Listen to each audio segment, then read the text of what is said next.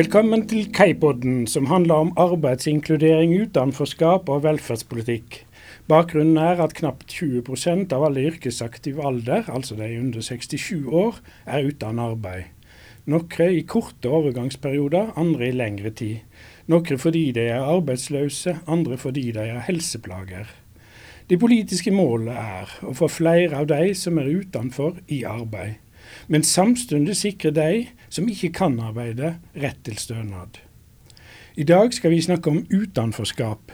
Bakgrunnen er stortingsmeldinga 'Ingen utenfor', en helhetlig politikk for å inkludere flere i arbeids- og samfunnsliv, som passerte statsråd for to uker siden. Og vi spør hvordan blir utenforskap forstått og forklart?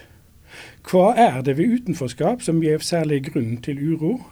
Og er utenforskap resultatet av mangel på kunnskap eller politisk vilje?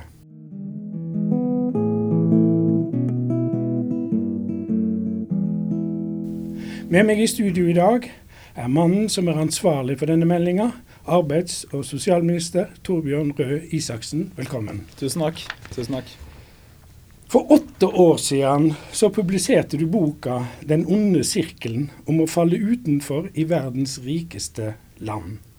Og Bakgrunnen var at du da hadde vært eh, medlem i arbeids- og sosialkomiteen i fire år. Eh, kan denne boka tolkes som en søknad til å bli arbeids- og sosialminister? Ja, Det er et godt spørsmål. Jeg fikk, fall, eh, jeg fikk i hvert fall en hilsen fra en jeg kjente fra politikken på den tiden, som da den nye stortingsmeldingen kom, gratulerte meg med å endelig få gjort om boken min til en stortingsmelding. Ja, det var interessant, det, for det var akkurat det som var ja. mitt andre spørsmål. For det om det var, dette var kortversjonen, fordi den er påfallende lik strukturen ja, På, på, på, en måte så er det jo det. Grunnen til at jeg hadde behov for å skrive Det er fint at Jeg kalte det en pamflett på den tiden, for ja. den var ganske kort og litt eh, Det er jo et mer sånn essayistisk skrevet. Men det jeg hadde behov for å formulere, det var jo noe av det jeg hadde sett i løpet av fire år i arbeids- og sosialkomiteen. Og særlig, særlig at sosiale problemer henger sammen. Eh, og så syns jeg da som nå at det er slående at for å sette det litt på spissen, norske journalister er eh, De reiser rundt i det såkalte rustbeltet i USA og snakker med arbeidende fattige i Amerika og forsøker å forstå hvorfor Trump blir valgt. Men det er, syns jeg, påfallende ofte mindre interesse for dette i norsk kontekst. I hvert fall å sette det sammen. Eh, ikke bare beskrive hvordan det er for en enkeltperson eller familie å leve med, med dårlig økonomi eller rusproblemer over lengre tid, men sette dette sammen til et større bilde.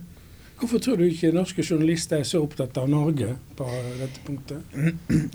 De er jo opptatt av Norge, selvfølgelig. Men så er det, er det nok eh, to grunner til det. Da. Det ene er jo at også på dette området er det jo slik at eh, i Norge så er det bedre enn i veldig mange andre land vi liker å sammenligne oss med. Det er det ikke noe tvil om. Og det er ikke noe tvil om at de nettopp da de generelle velferdsordningene våre, et eh, i det store og det hele godt arbeidsliv, alle disse tingene løfter også hele befolkningen. Eh, det andre tror jeg nok handler om en viss sånn skjevhet i perspektiv. Eh, som, som, vi alle ligger under for. Altså De gamle ML-erne sa vel hvor du, hvor du, sitter avgjør hvor du står. Jeg vil ikke gå så langt. Jeg har aldri vært ML og kommer aldri til å bli det heller. Men det er klart at verden ser litt annerledes ut fra en, ja, en, en, en bygd i Norge som har, eh, fikk lagt ned lagt ned eh, hjørnesteinsbedriften sin for 25 år siden. Mm. Eh, en eh, ser litt annerledes ut fra vest til øst i, i Oslo by, eller mm. fra de fine til de mindre fine områdene i Trondheim mm. eller Bergen eller mm. Drammen. Og det perspektivet former oss jo uavhengig av om vi mm. er bevisst på det eller ikke. Ja. Hva forstår du med dette begrepet utenforskap? Hva, hva ligger det i dette begrepet? Jeg, jeg, tror, jeg, tror, vi må være så ærlige å si at det er et, det er et, det er et politisk konstruert begrep. Uh, og det vet jeg bl.a. fordi jeg var blant de første som begynte å bruke det i Norge. Og det var kontroversielt en periode også. Vi forsøker å gi det en definisjon i, i denne stortingsmeldingen. Men først og fremst så handler det nok om å ikke bare peke på enkeltelementer, eh, altså enkeltsosiale problemer, men se hvordan summen av all, alle disse gjør at mennesker over en viss periode, altså lengre tid, faller ut av det vi kan kalle det normale samfunnslivet. Og hva er det normale samfunnslivet? Jo, det er at du, uh, du har en uh, jobb, sosial deltakelse, du har uh, en viss mulighet til å planlegge fremover for barna dine. du har en, en, en, grei helse sånn innenfor normalen. Du har grei økonomi, ikke i den forstand at du har god råd bestandig, men du er i hvert fall ikke Det er ikke et akutt sosialt problem som spiser opp veldig mye av kapasiteten din. Så, så, det betyr på en måte to ting, hvis jeg hører deg rett. Altså Det ene er at du får en hopning av utfordringer hos disse som inngår i gruppa. Uh, og det, og, det, og det, andre er at en viss permanens. Det er ikke noe som bare er forbigående. Ja, det er noe som varer over litt tid.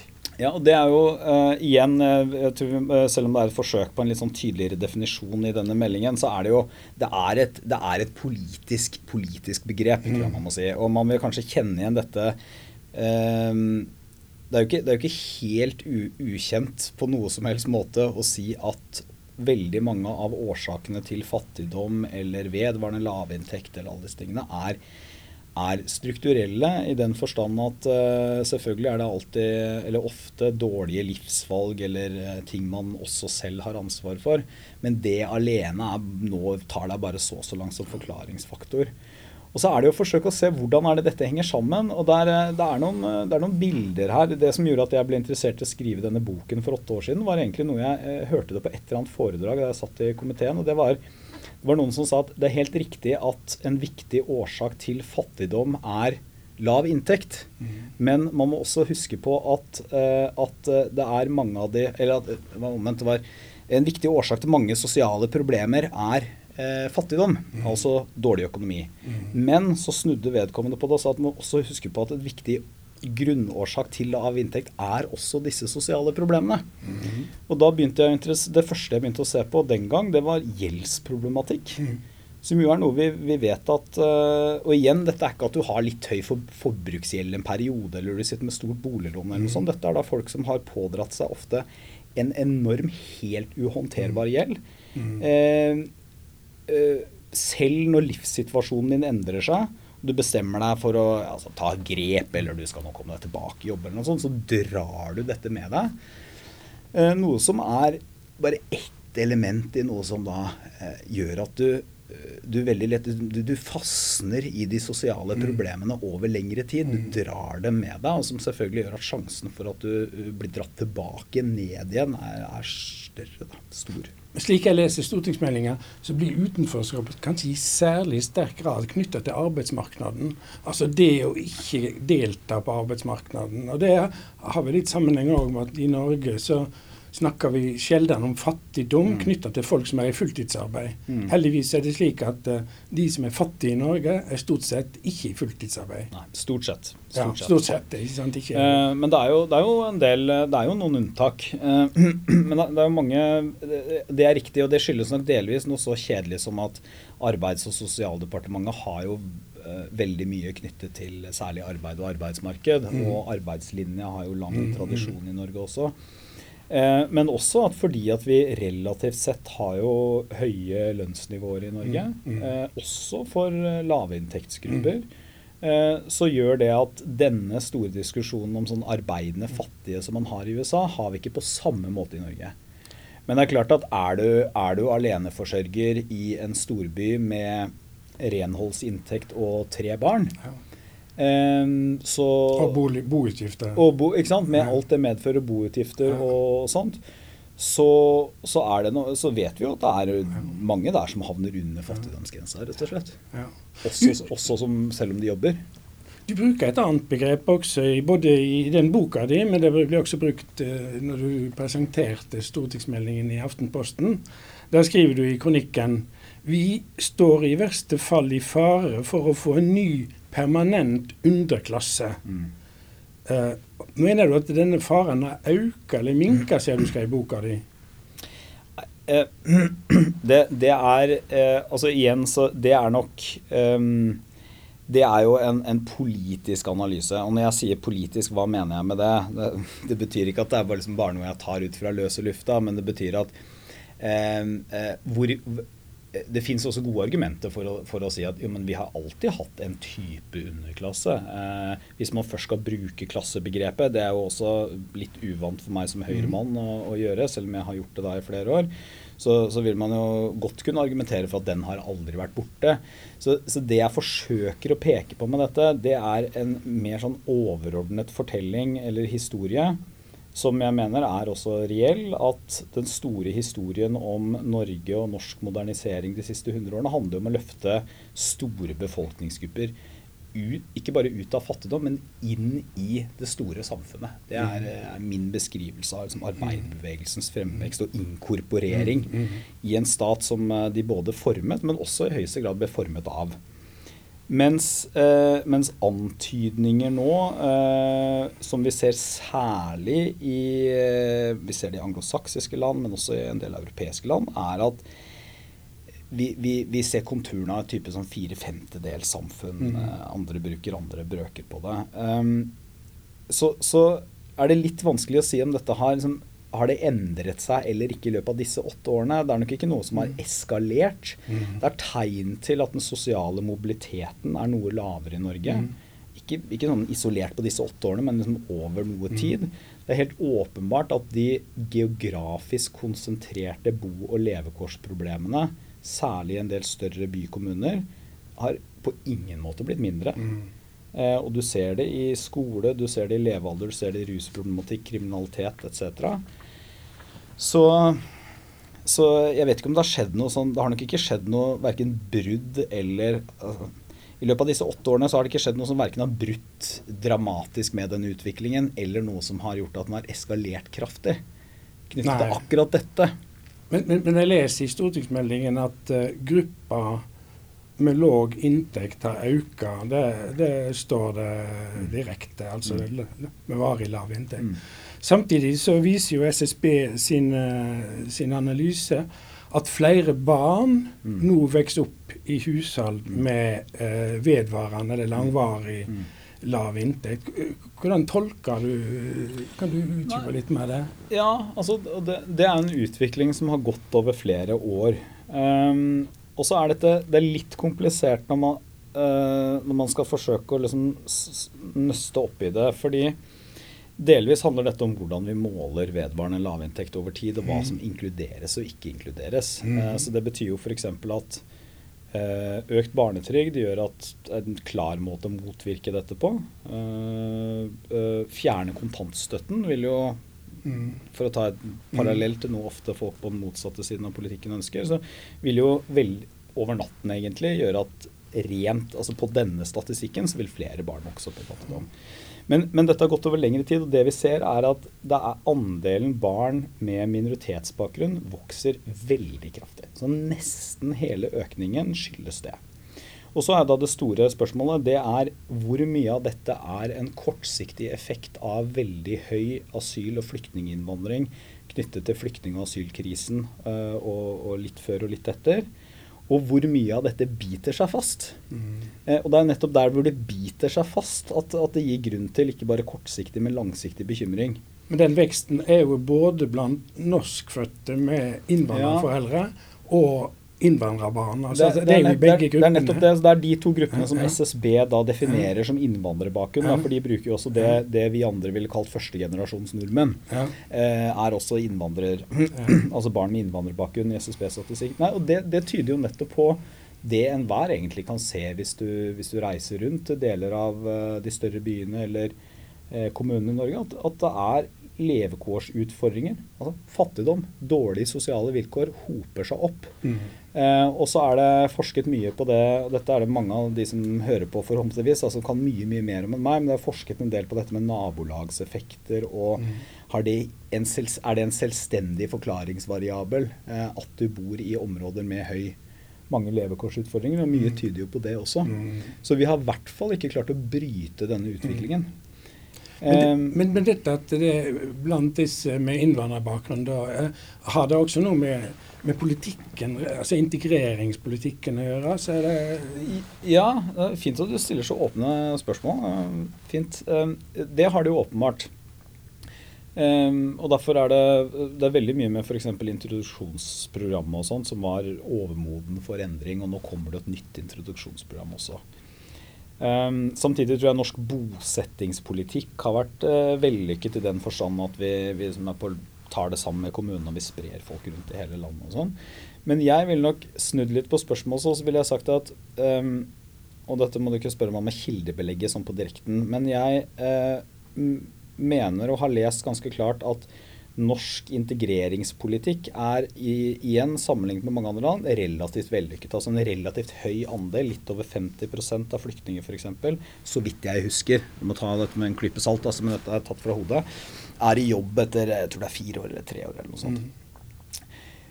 Samtidig så, eh, så, så, så, derfor vil nok jeg stille spørsmålet Selv med en av verdens beste integreringspolitikker, så klarer vi ikke å uh, Så er det ikke slik at vi klarer å uh, integrere familier fullt ut etter 5 år, 10 år, 15 år. Mm. Og en viss andel også. En viss andel av de som kom til Norge for 40 år siden, deres barn har jo foretatt fantastiske klassereiser. Mm. Mm. Men en viss andel har også blitt en del av eh, lavinntekts fattigdomsgruppene. Uh, en type underklasse i Norge. Og den, den sorteringen kommer. Men, men, men det, det burde jo bekymre oss at eh, vi klarer ikke å sortere alle. Mm, mm, så Det er to ting som er sant samtidig. Det er både at veldig mange f.eks. norsk-pakistanske barn har jo foretatt en klassereise som, mm. som egentlig er det altså du, du må tilbake til 50-tallets mm. Norge for å finne det tilsvarende i mm. majoritetsbefolkningen i så stor målestokk. Samtidig er fortsatt norsk-pakistanske familier overrepresentert også på mange av de dårlige statistikkene. Mm. Mm. Så det å, å, skjønne at de to tingene skjer samtidig, og, og det å bare peke på det positive eh, er et blindspor. Og det å bare peke på det negative, som eh, noen også gjør, det er også eh, en grov forenkling. Da.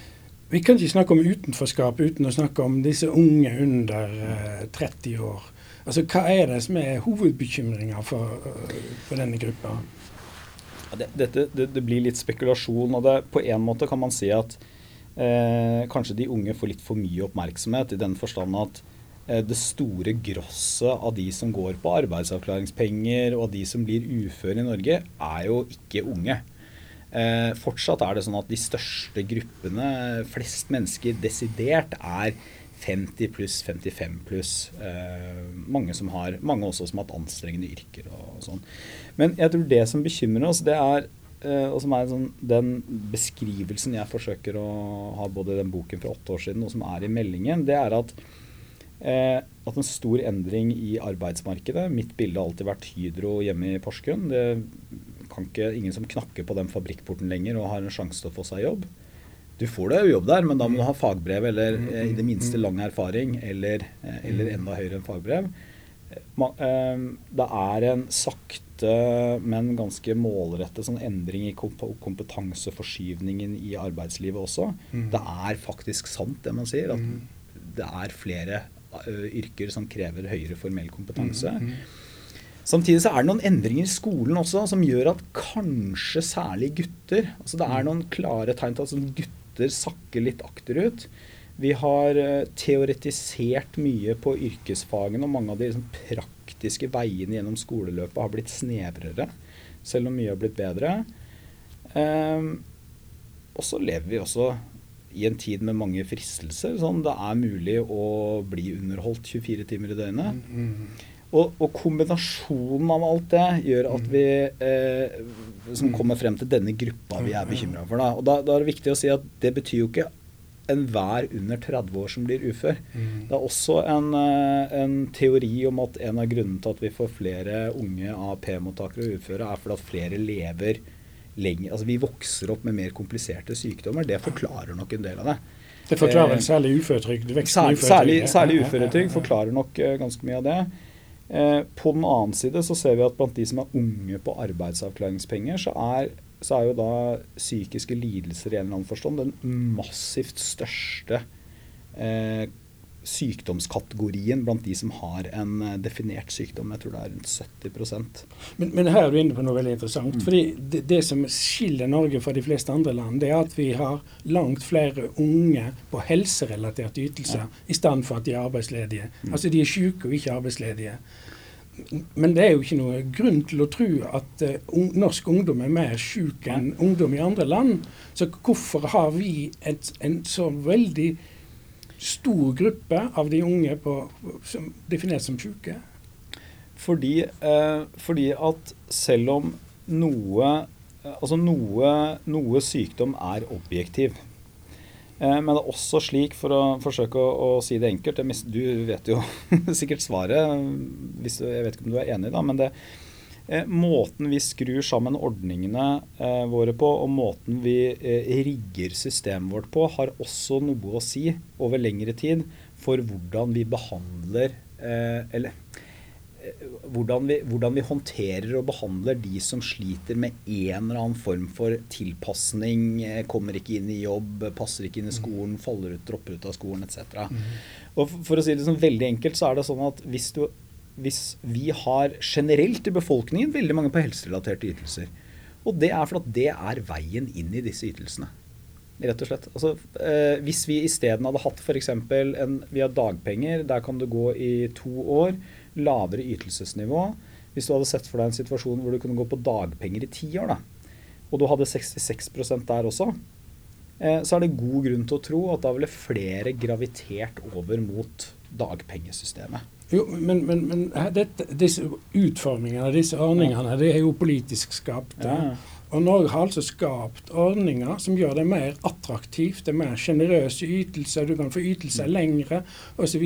på de helserelaterte ja, ytelsene de har. Og dermed så presser det jo folk ifra å være arbeidsledige til å bli syke. Og dette, dette, er jo på sett og vis politisk skapt, fordi ordningene er jo ikke naturgitte. Nei, nei, det er helt riktig. Det er, det, er, det er, eh, politisk skapt og politisk vedtatt ordninger. Og så er det viktig å si da, når man snakker om dette, at det betyr jo ikke at, eh, det betyr jo ikke at du ikke er det er ganske strenge kriterier for å få uføretrygd, f.eks. Ja. Men det betyr at sånn over tid så er det ganske god forskning som, som peker på nettopp det du sier. At du, eh, hvis de helserelaterte ytelsene er eh, flere rausere, mer åpne etc., så vil du få flere der enn på andre ytelser som er, som er strammere rammet inn. Og så har det vært det har jo, og det, det, Jeg er helt enig i den målsettingen, men dette er jo ekstremt vanskelig. Da, for det har jo vært et mål helt fra Bjarne Håkon Hansen startet opprydningen eh, hvor arbeidsavklaringspenger ble resultatet, at du, at du nettopp skal ha mer eh, altså AAP var et forsøk på det. Du skal ha en liksom, nøytral ytelse. Eh, hvor, hvor så, i så liten grad som mulig så skal, så skal uh, inngangskriteriet bare være sykdom. Mm. Nå er det et uh, nedsatt arbeidsevneinnngangskriterium på AAP også. Så har jo det Altså Det har i hvert fall ikke fungert like bra som man tenkte da man laget det.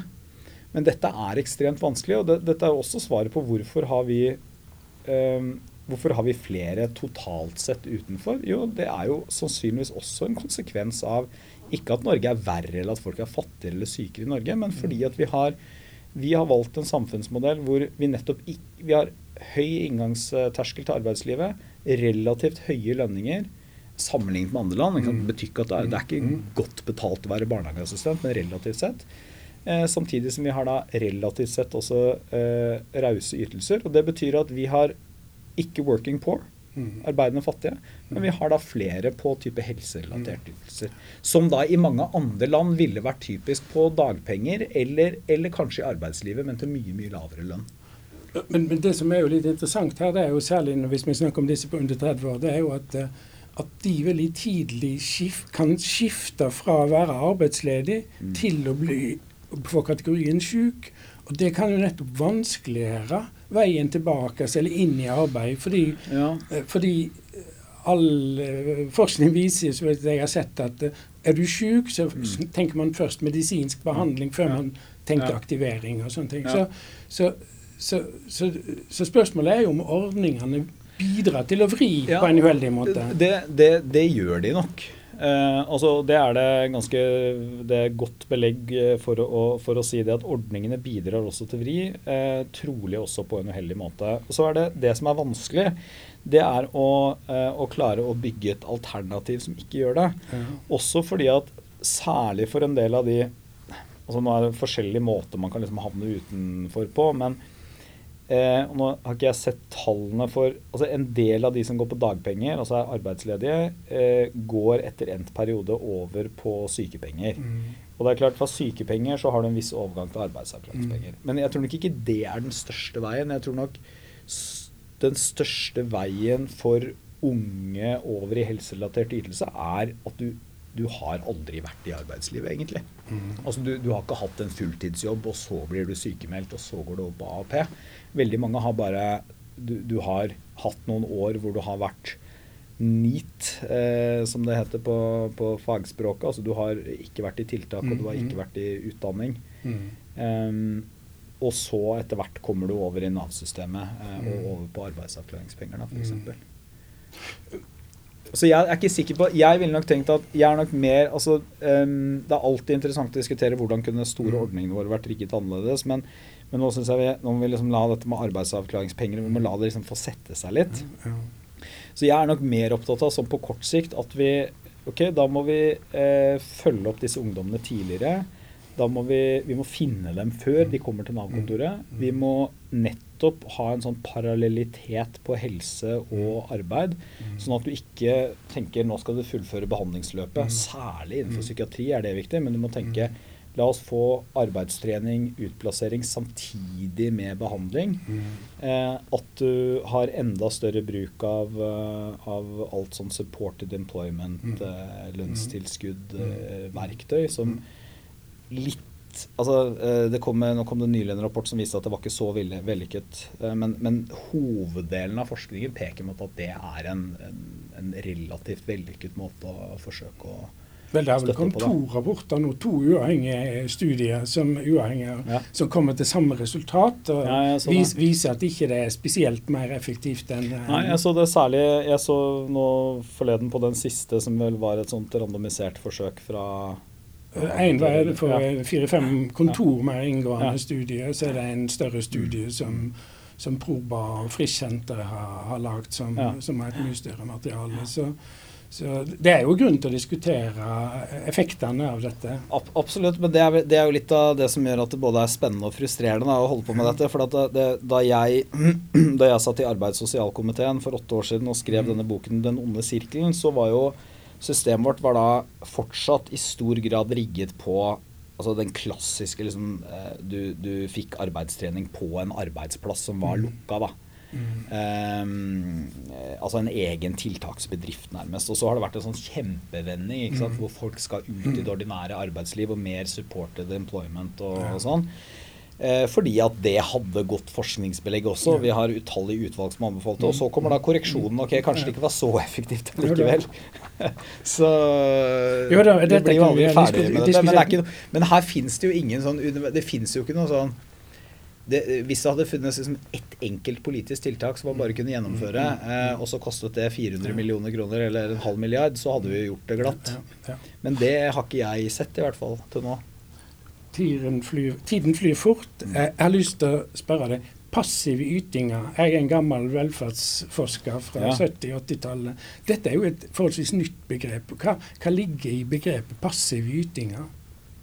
Nei, det, det, det, ligger jo eh, Med det så ligger jo Den formelle måten å si det på da, vil, jo være at det er ytelser som, eh, hvis det er en helseytelse, ikke legger til rette for at du kan utnytte restarbeidsevnen din.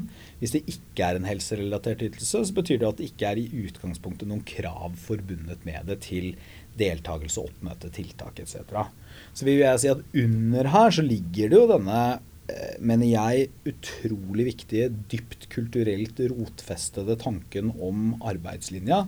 Det er heller ikke et veldig nytt begrep, eh, selve begrepet arbeidslinja, men, men, men har jo en veldig eh, viktig, dype historiske røtter i Norge.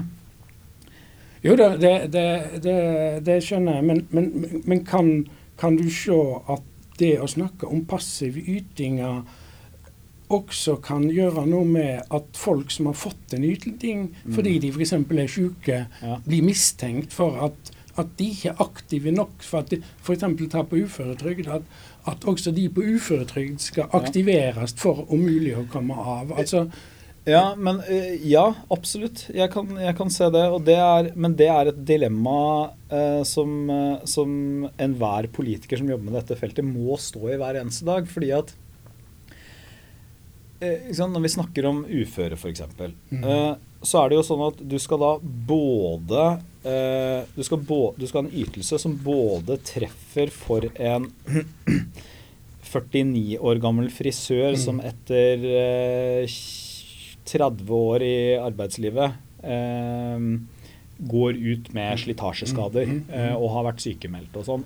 Og for en 29 år gammel eh, gutt som, eh, som, eh, som, kanskje aldri har vært fullt ut i arbeidslivet, men har fått ung ufør, eh, kanskje psykisk lidelse, og som nå muligens er på bedringens vei, og som kunne ha jobbet mer hvis systemet var eh, liksom, tilrettelagt for det.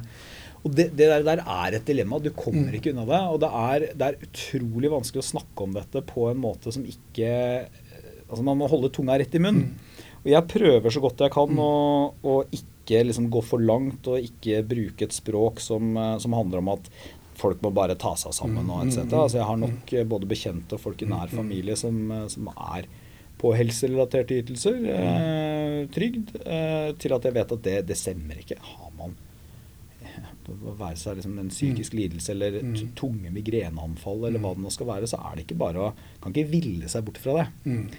Mm. Eh, men samtidig så er det åpenbart at her er det også strukturer i systemet, mm. som vi snakket om tidligere. Ja. Eh, I boka di eh, så skriver du politikkens instrumenter er bytte, og det kan være svært krevende å få, de, få til de endringene man ønsker å oppnå. Ser du det slik nå òg, etter at du har åtte år vært minister og statsråd i ulike departement? definitivt. Eh, I høyeste grad. Ehm, så, så, er det slik både fordi at noe kan være tungrodd. F.eks. så er det ekstremt viktig dette å koble helse og arbeid, mm. og i og for seg utdanning og arbeid, tettere. Ja. Det er tungt, for det er forskjellige departementer, mm. direktorater. Mm. Det skal, skal, ikke bare gjøres sentralt, men ute mm. i kommuner og fylker. Men også fordi, at, eh, også fordi at selv om det er en ambisjon at vi skal, ha, skal liksom se mennesket i systemet, så klarer vi ikke å ha helt individualiserte mm. løsninger for alle. Vi må mm. ha sosialhjelp og noen mm. felles regler, uføretrygd, AAP, mm. noen felles regler. Men hvor, hvor, viktig er effekter? Altså, vi var inne på i stad med, med, studier. Eh, altså, ja. Hvor viktig er det å vite om de tiltakene man setter i verk, virker? Jeg, jeg, jeg, jeg, mener det er viktig. Og så er det, så er det, sånn i politikken at Og dette finner du på alle sider, bare så det er sagt. Eh, så er det sånn at alle politiske partier har noen kjepphester hvor de det er de for. Eh, nesten uavhengig av hva forskningen viser. Og hvis man kan eh, kirsebærplukke noen uh, forskningsresultater som backer opp under det. Så ja. Mitt beste eksempel der, da jeg var kunnskapsminister, så hadde vi satt i gang et av de største skoleforskningsprosjektene i, i, i, norsk historie, faktisk. Vi skulle forske på effekten av høyere lærertetthet. Mm. Eh, og det ble kortsluttet av mm. Stortinget, som bare bestemte at vi skulle ha høyere mm. lærertetthet. Og, og der er det er forskningsmessig omdiskutert, for å si det sånn. Uh, men også her, altså vi, vi, jo, vi, vi prøver nå alle omleggingene av AAP, som er ganske mm. store, og som har Vi får mye, mye Mange som merker på kroppen. Skal går grundig, gås grundig igjennom.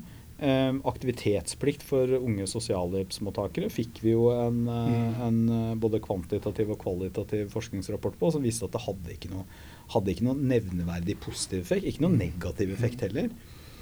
Og jeg mener at det, det må man gjøre. Altså det, er, det, er, et svakhetstegn ved politikken hvis man av frykt for en dårlig overskrift tre år senere ikke tør å, så godt det lar seg gjøre, eh, forske og sjekke resultater. Du, siste spørsmål. Um, vil du si at på dette feltet med utenforskap og, og i velferdspolitikken mer generelt, er det manglende evne eller det manglende politisk vilje som er hovedproblemet i å få disse tingene til? Altså, er, eller er det koblingen mellom disse?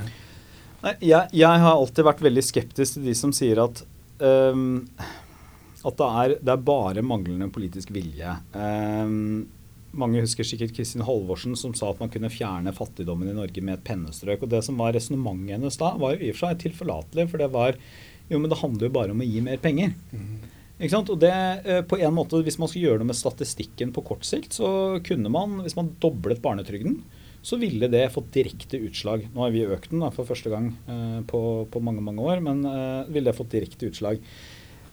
Spørs, spørsmålet er på lang sikt ville man, ville man eh, løst de underliggende sosiale problemene som fører til vedvarende lavinntekt eller utenforskap i større forstand? Og mitt svar på det er jo nei.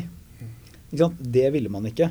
Og det er også sånn, og her blir det enda vanskeligere, at som eh, politiker så vet man også at eh, hvis du, hvis du, veldig raskt bruker veldig mye penger på et system som ikke er rigget for det, så får du ikke en løsning på problemet ditt. Du får, eh, du får, masse dårlig pengebruk og ting som egentlig ikke Du får ikke noe sammenheng med hva du putter inn og hva du får ut. Så, så hvis politisk vilje betyr at det liksom, dette er enkle løsninger, så er jeg grunnleggende uenig i det. Men hvis det betyr at man er nødt til å liksom, gå ned i materien, man er nødt til å hele tiden være kritisk til sine egne virkemidler, man må sjekke hva som fungerer, man må se kompleksiteten, eh, så er det mulig å komme et stykke på vei. Men det er jo, det er jo ikke, vi, vi, kommer jo Altså jeg er eh, konservativ og ikke eh, ikke kommunistisk utopist, så jeg, jeg, tror jo ikke vi noen gang får et samfunn som er altså vi, blir aldri, vi klarer ikke å løse alt dette. Eh, og nye utviklingstrekk gjør også at vi kom, får nye sosiale problemer. Arbeidsmarkedet endrer seg høy innvandring over tid, eh, nye flyktningkriser, eh, sammensetning av hva folk må kunne. Alt dette her gjør at jobben blir jo aldri ferdig. Takk for samtalen, arbeids- og sosialminister Torbjørn Røe Isaksen. Tusen takk.